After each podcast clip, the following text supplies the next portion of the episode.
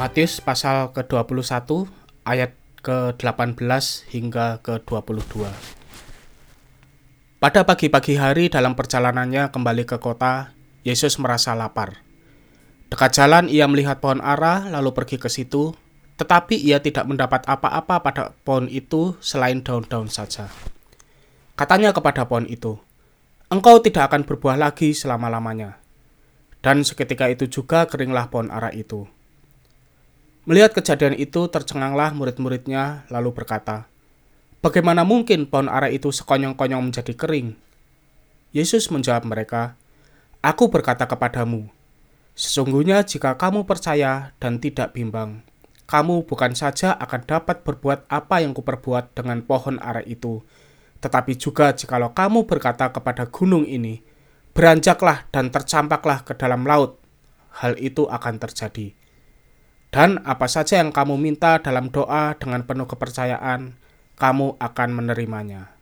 Amin. Kisah Tuhan Yesus mengutuk pohon ara ini sering membuat bingung.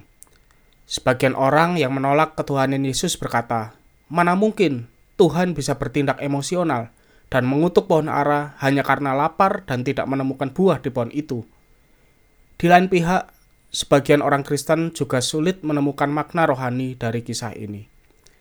Oleh sebab itu, mari kita cermati kisah ini baik-baik. Kisah ini sebenarnya berfokus pada makna simbolis Tuhan Yesus di balik tindakannya. Dia menunjukkan bahwa kegiatan keagamaan dalam bait suci dan juga bangsa Israel pada umumnya mirip seperti pohon ara itu. Lebat daunnya, tetapi tidak ada buahnya. Bangsa Israel hanya tampak religius di luar, namun tidak memiliki relasi yang benar dengan Allah. Itulah yang membuat Allah kecewa. Anda bisa membacanya di dalam kitab Hosea pasal 9 ayat 10 sampai 17 dan kekecewaan Allah itu ditunjukkan dengan Tuhan Yesus yang menyucikan bait suci. Ini ada di dalam Matius pasal 21 ayat 12 sampai 13. Serta Tuhan Yesus juga mengutuk pohon ara. Namun ada satu pelajaran lagi yang bisa kita dapat dari kisah ini. Ketika murid-murid heran melihat pohon ara itu bisa mati seketika, Tuhan Yesus memakai kesempatan ini untuk mengajarkan hal yang penting tentang iman. Jika kita tidak mencermati perkataan Tuhan Yesus baik-baik, kita dapat mengartikan bahwa dengan iman yang besar, maka mukjizat akan terjadi. Padahal bukan itu maksudnya. Tuhan Yesus pernah mengucapkan hal yang mirip di dalam Injil Matius pasal ke-17 ayat ke-20. Di situ Tuhan Yesus justru mengatakan bahwa iman sebesar biji sesawi saja sudah cukup untuk membuat sebuah gunung pindah ke laut.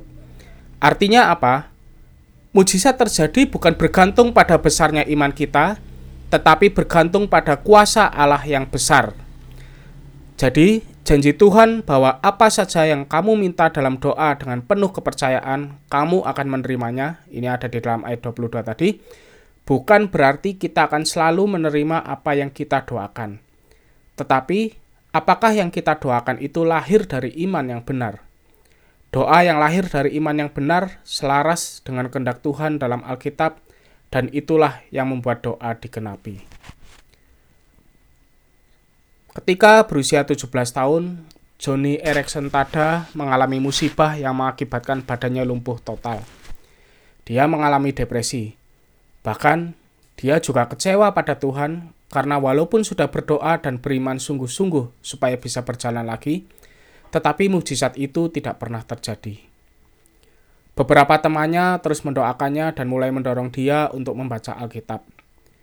Singkat cerita, semangatnya pun bangkit. Dia belajar melukis menggunakan mulutnya dan menulis buku dengan bantuan program pengenal suara.